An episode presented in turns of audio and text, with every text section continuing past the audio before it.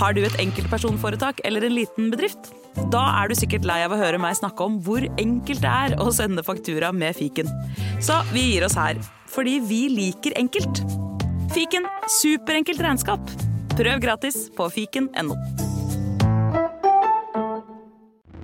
20 nye sparetips hos Kiwi. Mitt sparetips er nyheten fra First Price. Store tortillalefser. Garantert billigst i Kiwi. Nå får du First Price store tortillalefser til 29,90, First Price kjøttdeig av svin uten salt og vann til 29,90 og mange andre First Price-nyheter hos Kiwi. En podkast fra Podplay. Denne episoden kan være skremmende for enkelte lyttere. Om du er yngre eller sensitiv til drap, forsvinning eller beskrivelser rundt slike hendelser, så anbefaler vi at du lytter til episoden med noen du stoler på, eller skrur av.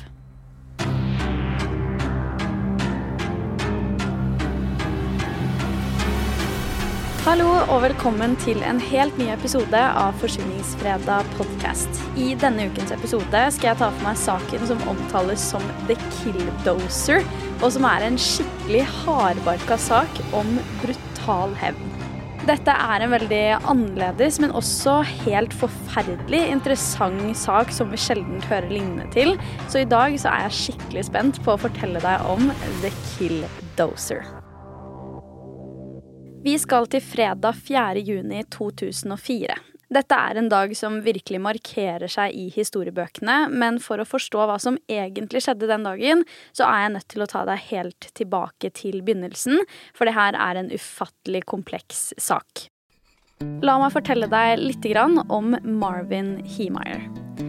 Marvin Heemeyer ble født den 28. oktober 1951 i Castlewood, South Dakota. Faren hans, John, eide på tidspunktet en gård, så familiens inntekt kom i stor grad fra meieriproduksjon på gården.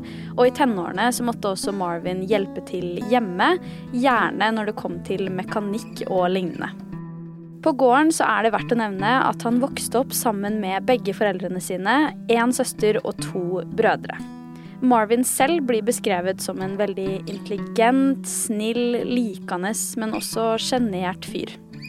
Han fikk et veldig tett bånd til faren sin i oppveksten, men likevel så skapte han generelt veldig få nære relasjoner ellers i livet. F.eks. så var han ikke typen som hadde så altfor mange venner på skolen eller lignende.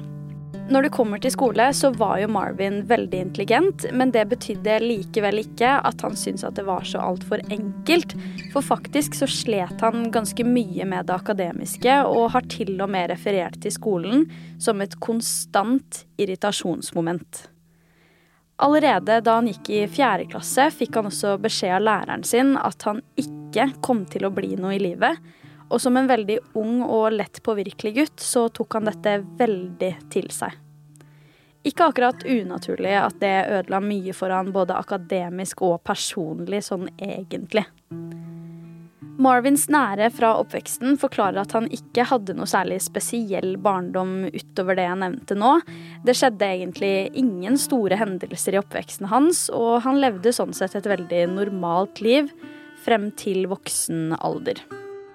Til tross for at Marvins akademiske moral ble brutt ned ganske kraftig da han gikk i fjerde klasse, så endte han likevel opp med å gå ut av videregående med ganske gode karakterer.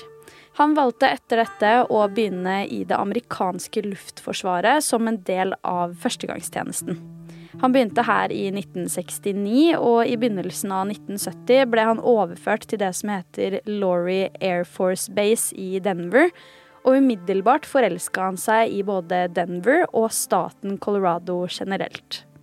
Marvin var klar og tydelig i sin sak. Etter militærtjenesten kom han til å flytte hit, og han forelska seg særlig i Rocky Mountains, de store og lange skiløypene der, og de fantastiske innsjøene. Naturen, det var det Marvin likte aller mest. I 1977 blir Marvin ferdig i militæret, og umiddelbart skaffer han seg et hus i Denver, Colorado. Her måtte han jo også finne seg en jobb, så etter relativt kort tid begynte han å jobbe som mekaniker i det som het Scottis Mufflers, rett og slett en kjede med flere bilverksteder rundt om i Colorado. Her jobba Marvin også med en mann ved navn Cliff Judy, og sammen ble de såpass gode i jobbene sine at de bestemte seg for at tiden var moden for å spre vingene sine og ta på seg et enda større ansvar sammen. I 1978, kun et år etter at Marvin fikk jobben sin i Denver i utgangspunktet, ble han og Cliff forretningspartnere og kjøpte faktisk opp en av Scotties Mufflers verkstedene sammen. Denne ideen hørtes kanskje bedre ut enn den var i praksis, for kun et år etter at Marvin og Cliff kjøpte opp det ene verkstedet, så gikk hele Scottish Mufflers konkurs. Ikke nok med det, men fordi Marvin og Cliff hadde betalt det som heter franchise-avgift i god tid før konkursen, så var det de som på en måte skulle arve eller overta tre av verkstedene, og fikk i tillegg 10 000 dollar i gjeld. I dagens kurs tilsvarer det rundt 107 500 kroner. Marvin og Cliff forsøkte lenge å redde bedriften, men de kom vel egentlig frem til at de sto på et synkende skip, og valgte etter hvert å oppløse partnerskapet dem imellom, selge to av verkstedene, og så fikk de beholde ett verksted hver seg. Ett år senere, altså i 1980, bestemte Marvin seg for at han ønsket å selge verkstedet sitt og han skulle bruke pengene fra salget til å åpne en ny butikk, eller et verksted, da, i Boulder i Colorado i stedet. Etter flere års erfaring i bransjen ble Marvin nå en høyt respektert bilmekaniker, og han fikk også kallenavnet Marv the Muffler Man fordi han var så god i jobben sin. Marvins ekspertise gikk da på lyddempere, uten at jeg har noe særlig peiling på bil, men det skal visstnok være en del av eksosanlegget på bilen, og i nærmiljøet ble det sagt at han visstnok var så god i jobben sin at han kunne bytte lyddemperen på bare 20 minutter.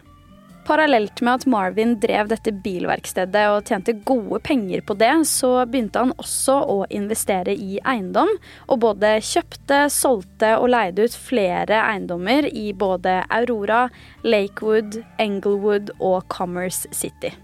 Det høres jo ikke ut som at det kunne gått noe særlig bedre for Marvin på dette tidspunktet, men snart skal han erfare den mørke siden av forhandlinger, business og forretninger. Selv var han veldig opptatt av å handle både etisk, ærlig og rettferdig, men ikke alle var sånn på den tiden. På midten av 1980-tallet ble nemlig Marvin lurt til å kjøpe det han trodde var en veldig attraktiv tomt i Toponas, fra et selskap som i realiteten hadde løyet om både verdien og overvurdert tomta. Kort tid etterpå gikk selskapet som solgte han tomta konkurs, som igjen satte Marvin i en krise. Banken han fikk lån av til å kjøpe tomta, vurderte nå mulighetene om tvangssalg, og fordi Marvin ikke ønsket å stå i retten for saken sin pga. advokatutgiftene det ville kosta, så valgte han å godkjenne at tomta skulle tvangsselges. At han godkjente dette, kosta han rundt 57 000 dollar, som i dagens kurs tilsvarer i overkant av 612 000 norske kroner.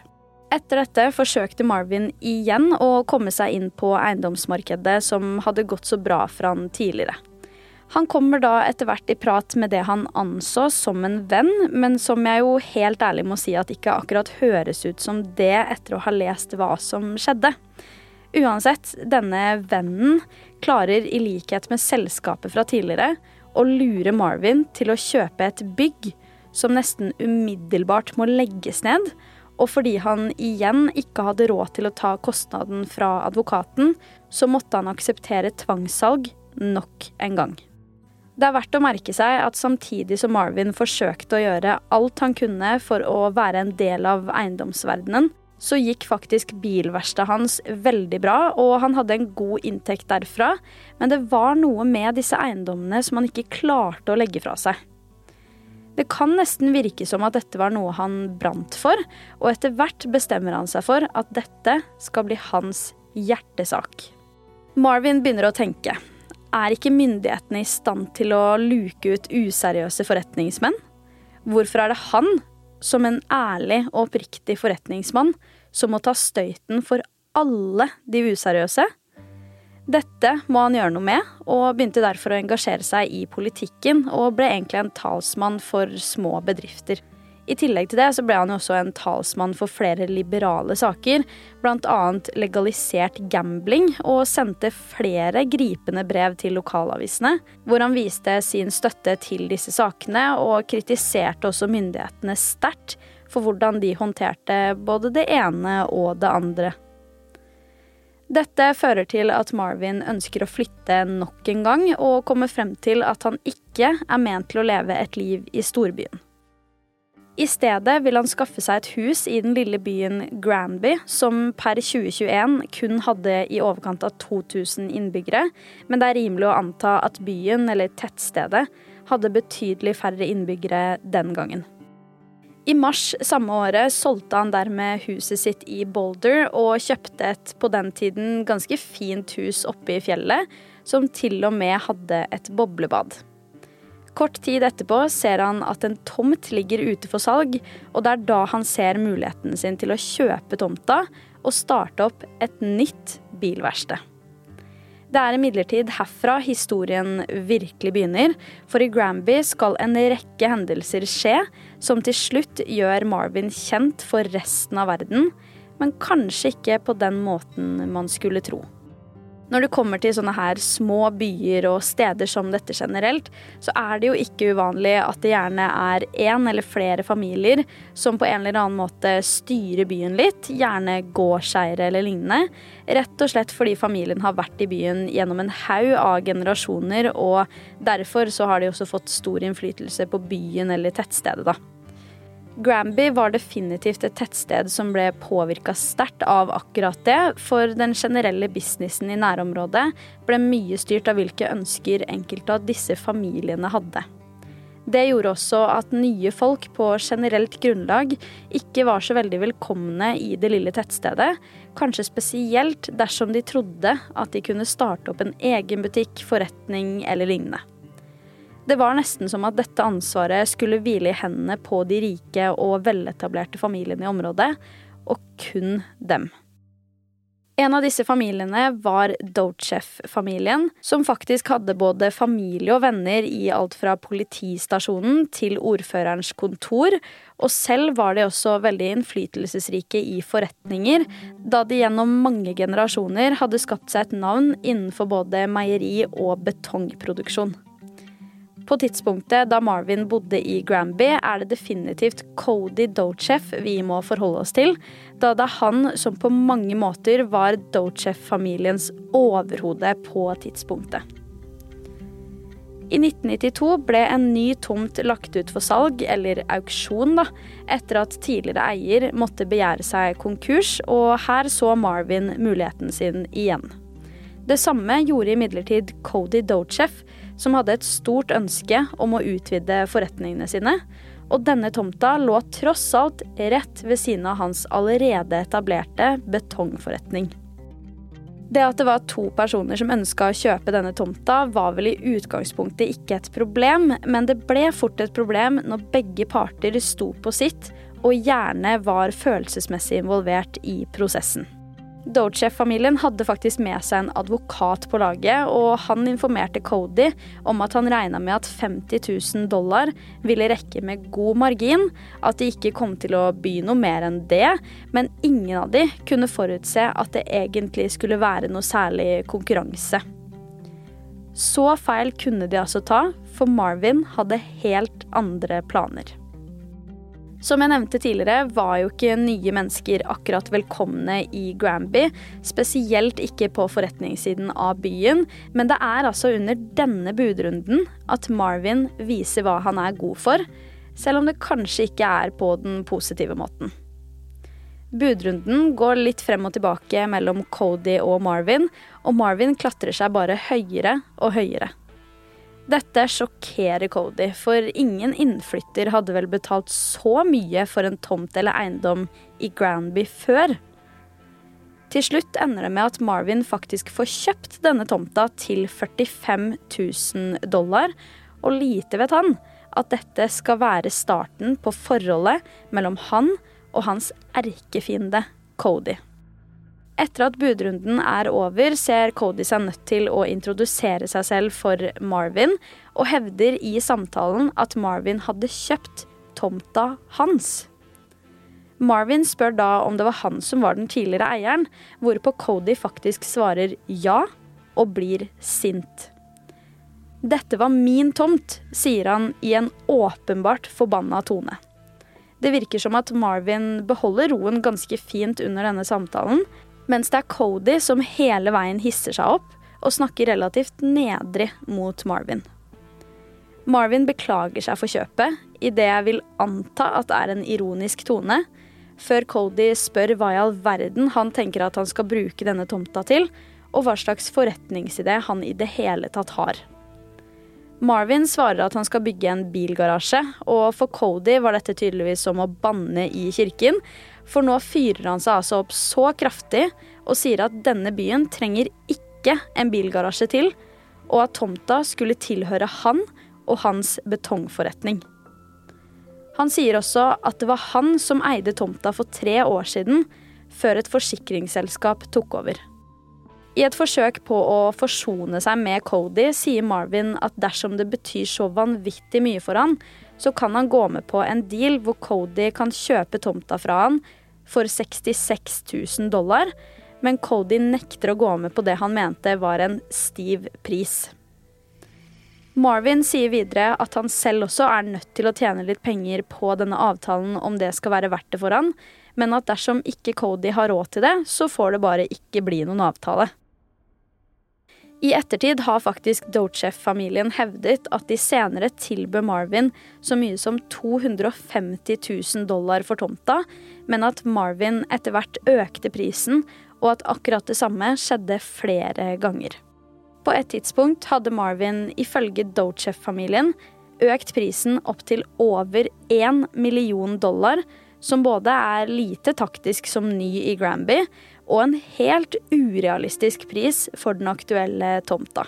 Marvin tenkte nok ikke på at han på dette tidspunktet hadde fått seg en fiende, og egentlig så var han jo bare veldig fornøyd med at han fikk fortsette med bedriften sin også i Granby, mens det i kulissene skulle vise seg at det skjedde mange ting som ikke akkurat gikk i favør Marvin. På slutten av sommeren i 1992 begynte bilverkstedet til Marvin endelig å ta form, og det er da han mottar en beskjed fra de lokale myndighetene som angår eiendommens krav til kloakksystem. I brevet blir han bedt om å koble opp kloakkledningene til det lokale kloakksystemet for å overholde alle regulerings- og eiendomslover. I utgangspunktet så tenkte Marvin at dette ikke kom til å bli noe problem. Han behøvde jo bare å finne ut hvor det nærmeste kloakksystemet var, så skulle det være i orden på null komma svisj. Men uheldigvis for han så lå det veldig mye lenger unna eiendommen hans enn først antatt. Det ville bety at dersom han skulle få til dette, så måtte han ut med nesten 100 000 dollar, og han måtte lagt opp og konstruert en haug av kloakkrør som kunne rekke over 100 fot til nærmeste kloakksystem. Alt dette ville ta flere måneder hvor han ikke nødvendigvis kunne hatt kunder og lignende, i tillegg til at han måtte ha fått tillatelse fra naboen sin til å gjennomføre konstruksjonen. Igjen, uheldigvis for Marvin, var denne naboen tilfeldigvis Gus Harris, mannen som i lang tid kjempa for å få tomta hans på vegne av Cody Dochef. Marvin skjønte at det var høyst usannsynlig at en sånn godkjenning noensinne ville skje, så han sendte inn en formell klage og skrev at dette ikke var en avgift han hadde kapital til å betale, selv om han mer enn gjerne ville gjennomført endringene han fikk krav om. Tilfeldighetene slutter jo aldri å gå i alt annet enn favør Marvin, for mannen klagen kom til, var faktisk en venn av Cody, og han var også selv en del av en av de godt etablerte familiene i Granby. Selv var han nok ikke særlig fan av at en innflytter skulle ta en såpass stor plass som Marvin gjorde heller, så han gjorde seg ikke akkurat medvillig når det kom til å gjøre det mer overkommelig for Marvin heller. I stedet fikk Marvin to valg. Han kunne punge ut disse nesten 100 000 dollarene, eller så kunne han fortsette å ikke være kobla til riktig kloakksystem. Sistnevnte kom ikke til å falle i noe god jord på noe som helst måte, og Marvin var også klar over at det antageligvis ville skape problemer for han senere, men det virker som at han heller tenkte den tid, den sorg, og valgte dermed det siste alternativet. I november 1992 forsto Marvin at han var nødt til å kobles til kloakkanlegget, og spurte derfor om tillatelse fra naboen gjennom de lokale myndighetene. Forespørselen ble ikke overraskende avslått, men Marvin ble likevel tilbudt å kjøpe den delen av eiendommen som han trengte for å kunne gjennomføre konstruksjonen. Som du hørte tidligere i episoden, så har jo ikke Marvin hatt den beste historikken med forhandling fra tidligere. Han har stort sett endt opp i gjeld, og det gjorde at han denne gangen var ganske skeptisk til om han i det hele tatt skulle godta det. Likevel, fordi han så hvor nødvendig kloakkanlegget var, bestemte han seg for å akseptere tilbudet, og måtte ut med totalt rundt 40 000 dollar. Det var jo Gus Harris som skulle få disse pengene, men under hvert eneste kontraktsmøte dukket han aldri opp, og gjennomførte heller aldri sin del av avtalen. Etter tre måneder innser Marvin at Gus har trukket seg fra avtalen uten å si et eneste ord, og dermed fortsetter eiendommen hans å ikke være tilkoblet kloakkanlegget.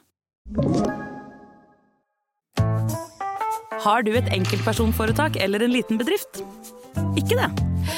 Nei. Nei, men da holder vi det enkelt og gir oss her. Fordi vi liker enkelt. Fiken superenkelt regnskap. Vi i Rema 1000 kutter igjen prisene. Nå på en mengde påskefavoritter. For eksempel kutter vi minst 25% på 2 ganger 600 gram grillpølse fra Gilde, 10-pakk Chicago pølsebrød fra Hatting, 7-pakk tulipaner og andre påskefavoritter. Alt dette og enda flere priskutt på minst 25% For det er sluttsummen på påskehandelen som teller. Og husk at vi fortsatt har fryst prisen på over 1000 varer. Kiwi er billigst i VGs matbørs og har vært billigst i fire av de fem siste VGs matbørser. Og nå presser vi prisen på påskevarer fram til 1. april. På 1,25 liter assortert Henning Olsen sørlandsis presser vi prisen fra 74,90 helt ned til 49,90. På assorterte 250 ml Cevita og Bendit smoothies presser vi prisen fra 1990 helt ned til 12,90 pluss pant. For det er vi som er prispresserne. Og vi i Kiwi gir oss aldri på pris. I 1997 skjer det nok en hendelse. Marvin får nemlig en ny nabo, nemlig Cody Dochef. Gus Harris hadde nemlig solgt eiendommen sin til businesspartneren sin, og på dette tidspunktet virker det som at Marvin rett og slett syns det blir for dumt å ikke være høflig mot hverandre.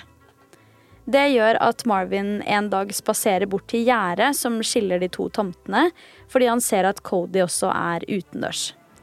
Han roper på Cody, og i bunn og grunn forsøker han å begrave stridsøksa, men du kan jo trygt si at Cody ikke er interessert i det. Det som er interessant her, er at Marvin selv har sagt at han forsøkte så godt han kunne å gjøre ting så normalt og bra som mulig, og at han til og med hadde tilbudt Cody å kjøpe eiendommen ettersom han ikke var særlig interessert i å ha bedriften sin rett ved siden av en betongforretning.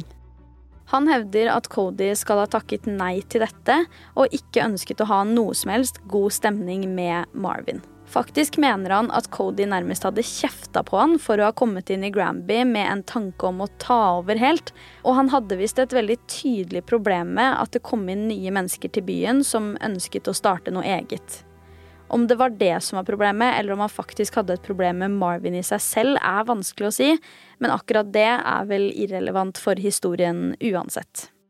Akkurat dette var en vanskelig periode i livet til Marvin, for på én side så ønsket han jo å gjøre alt i sin makt for å beholde roen mellom han og Cody, men samtidig ønsket han jo ikke at det skulle bygges en bråkete og stor betongforretning rett ved siden av bilverkstedet hans.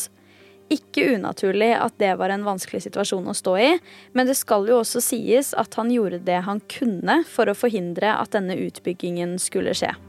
En dag i 1998 våknet Marvin likevel opp til det han hadde fryktet at skulle skje. Utbyggingen har startet i full gang. I lang tid hadde jo nemlig Marvin, sammen med flere i Granby, jobbet for at myndighetene ikke skulle godkjenne utbyggingen, og brukte argumenter som at lufta og vannet kom til å bli forurensa. Cody på den andre siden mente at det ville skape flere jobber og dermed bidra til bedre økonomi for byen, og etter mye om og men så hadde myndighetene da bestemt at Cody skulle få lov, men at han likevel var nødt til å følge noen satte regler.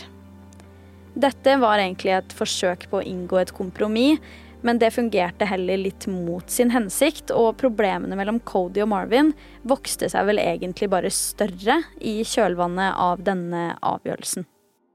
Like etterpå finner Marvin en bulldoser til salgs i California, som umiddelbart blir svært attraktiv for han.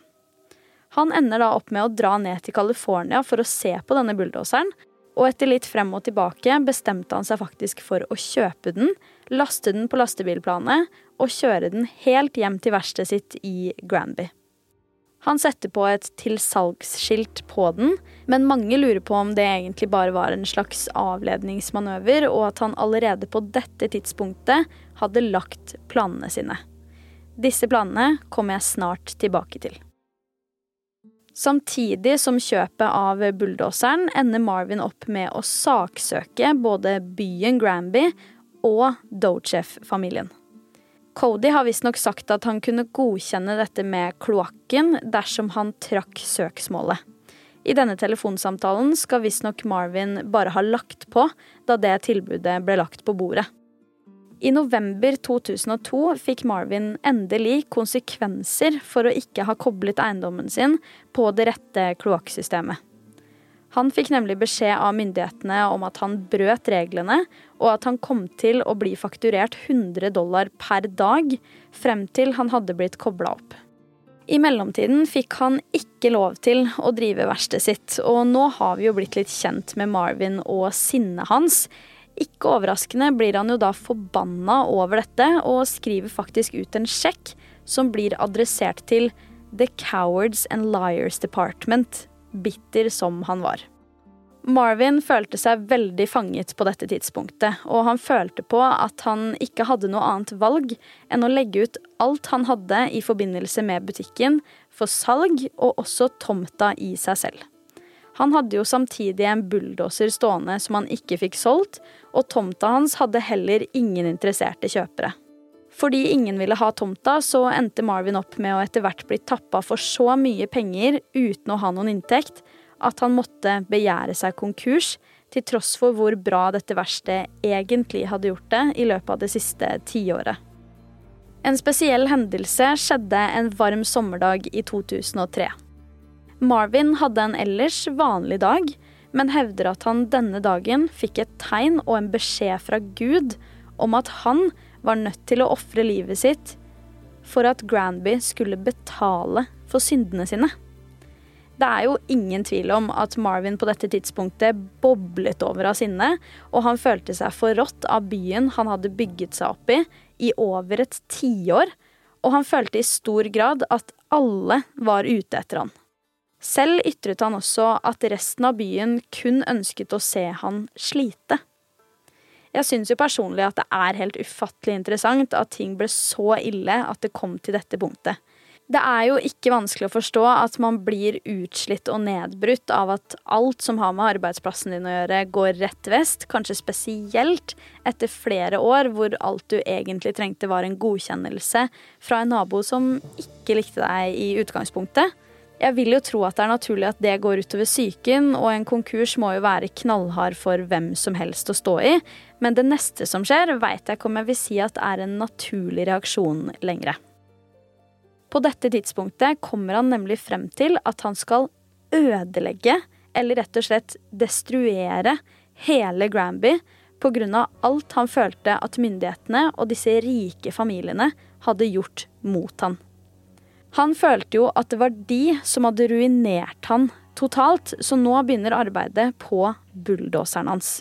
Denne skal han nemlig bruke til å legge byen i ruiner ved å bygge den om til å bli det som skal bli kjent som en killdoser.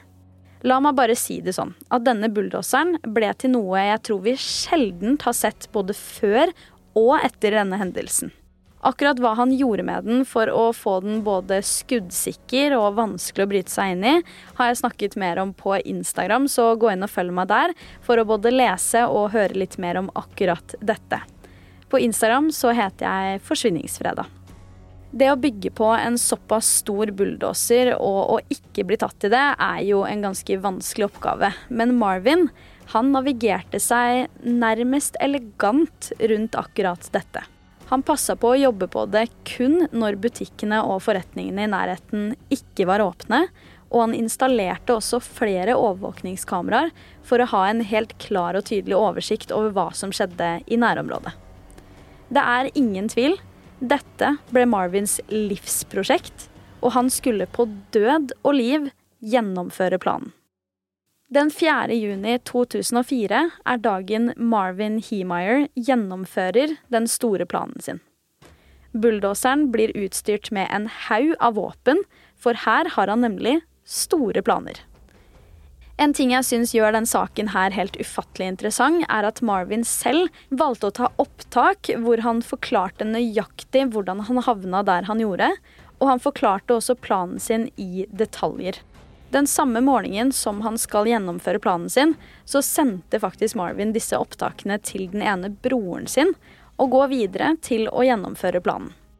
Han visste forresten også at han aldri kom til å komme seg ut av denne bulldoseren i live, og at det ikke var noen vei tilbake, så det er åpenbart at han hadde et enormt behov for å ta hevn på byen, og at det ikke gjorde han noen verdens ting at det ville bety at han måtte dø i prosessen. Vi skal høre noen av disse opptakene, eller i hvert fall utdrag fra dem, men det blir mot slutten av episoden, så la meg aller først forklare hva som faktisk skjedde den 4. juni 2004. Rundt klokka kvart over to på formiddagen har Marvin satt seg inn i den nybygde bulldoseren sin og har kjørt rett inn i betongforretningen som Cody eier. På tidspunktet var det flere ansatte der som forsøkte å stoppe bulldoseren, men til ingen nytte. Heldigvis for Cody var han ikke i butikken på tidspunktet, men i selve fabrikken, og fikk bare beskjed om at det hadde skjedd en eksplosjon på den andre lokasjonen. I prosessen her er det verdt å merke seg at både Cody, flere av hans ansatte og også politiet forsøkte å stoppe bulldoseren, velte den og alt mulig, men Marvin hadde idiotsikra hele bulldoseren, så det var faktisk ingen mulig måte for dem å stoppe den på. Dette hadde han virkelig gått inn for, til og med når en politibetjent kommer seg opp på taket på bulldoseren i et forsøk på å skyte Marvin, som befinner seg inni den. Det er for øvrig også sånn de fant ut at bulldoseren ikke lenger hadde noen inngang, så det ville jo faktisk være helt umulig for dem å skyte han. Marvin Heemeyer bedrev dette angrepet på byen i litt over to timer, og han rakk å ødelegge totalt 13 bygninger, inkludert Granby Town Hall, Sky High avisbygget og hjemmet til en tidligere ordfører, hvor den tidligere ordførerens 82 år gamle enke bodde på tidspunktet. Totalt endte det med at ødeleggelsene ble regna til å komme på ca. 7 millioner dollar, hvor to av disse millionene var på bygg eid av Cody og hans familie. Heldigvis ble ingen andre enn Marvin selv drept eller skadet i disse hendelsene, men som ordføreren sa den gangen, det var ikke fordi Marvin valgte at det skulle være sånn, det var rett og slett et mirakel. Som så vidt nevnt, Marvin selv endte faktisk opp med å dø i løpet av dette kaoset. Og det skal rett og slett ha vært at han endte opp med å skyte seg selv med et av våpnene han hadde tatt med seg inn i bulldoseren etter å ha gjort alle disse ødeleggelsene. Dette skal visstnok ha skjedd etter at bulldoseren begynte å svikte og radiatoren var skadet. Ett år etter hendelsene bestemte Granby at de måtte destruere bulldoseren, men jeg syns jo også det er interessant i seg selv at den var intakt i et år etterpå. Men jeg kan jo også se for meg at det var av læremessige årsaker eller lignende. Nå helt på tampen så har jeg veldig lyst til å vise deg et lydklipp fra disse lydopptakene jeg nevnte tidligere, for de syns jeg er skikkelig interessante for historien. Og jeg vil jo også nevne at opptakene ligger i sin helhet på YouTube, men her får du høre et lite utdrag. Married, family, you know, things may have gone different. But God built me for this job. He rewarded me for 45, 50 years with the lifestyle that I am so thankful for. And it's unfortunate, the poor people in Granby, so many of them were so jealous of my lifestyle that I could come and go as I pleased. Well, God blessed me in advance for the task that I am about to undertake. It was sometime in 2001, I believe, that the peace, I, I mean, I wept at times trying to understand why this was happening to me. And to do what I had to do to make these people listen, to learn, was just above me. And when I realized that one day when I was sitting in the hot tub and I mean I was I was weeping, a peace came over me that has only come over me a few times before in my life. Where I knew that what I was doing was tough, but it was the right thing and that it was above me. It wasn't me. I was doing this because God wanted me to do it. And I didn't understand it. I said, Why did you ask me to do this? Is that why I've never been married? So I didn't have a family? Is that why I've always been successful? So that I would realize my reward before doing this task? Had I not carried my cross earlier and now God had prepared me to carry this cross? I believe so. And I'm carrying the cross willingly now. At first, I fought it. But it has to be done. And the world will write stories about how wrong I am and everything. And without a doubt, I wished it could be done a different way. But there is no way to make this right. Du har hørt Forsvinningsfredag podkast med meg, Sara Høydahl. Jeg vil også bare helt på slutten her informere om at vi kommer til å publisere to episoder i uka gjennom hele desember, akkurat som i fjor. Så det er bare å se frem til hver tirsdag og hver fredag resten av måneden. Uansett, tusen takk for at du lytta til denne ukens episode. Vi er tilbake allerede på tirsdag, og i mellomtiden, ta vare på deg selv.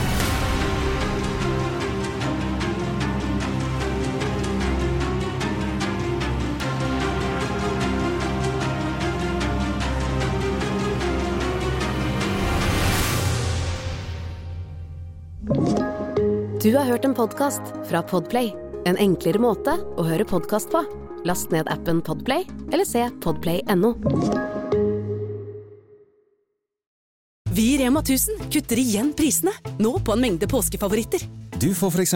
minst 25% priskutt på appelsiner i løsvekt, familiepakning med vaffelmiks fra Toro, tipakk Rige kakao fra Freia og andre påskefavoritter. Alt dette og enda flere priskutt på minst 25 For det er sluttsummen på påskehandelen som teller.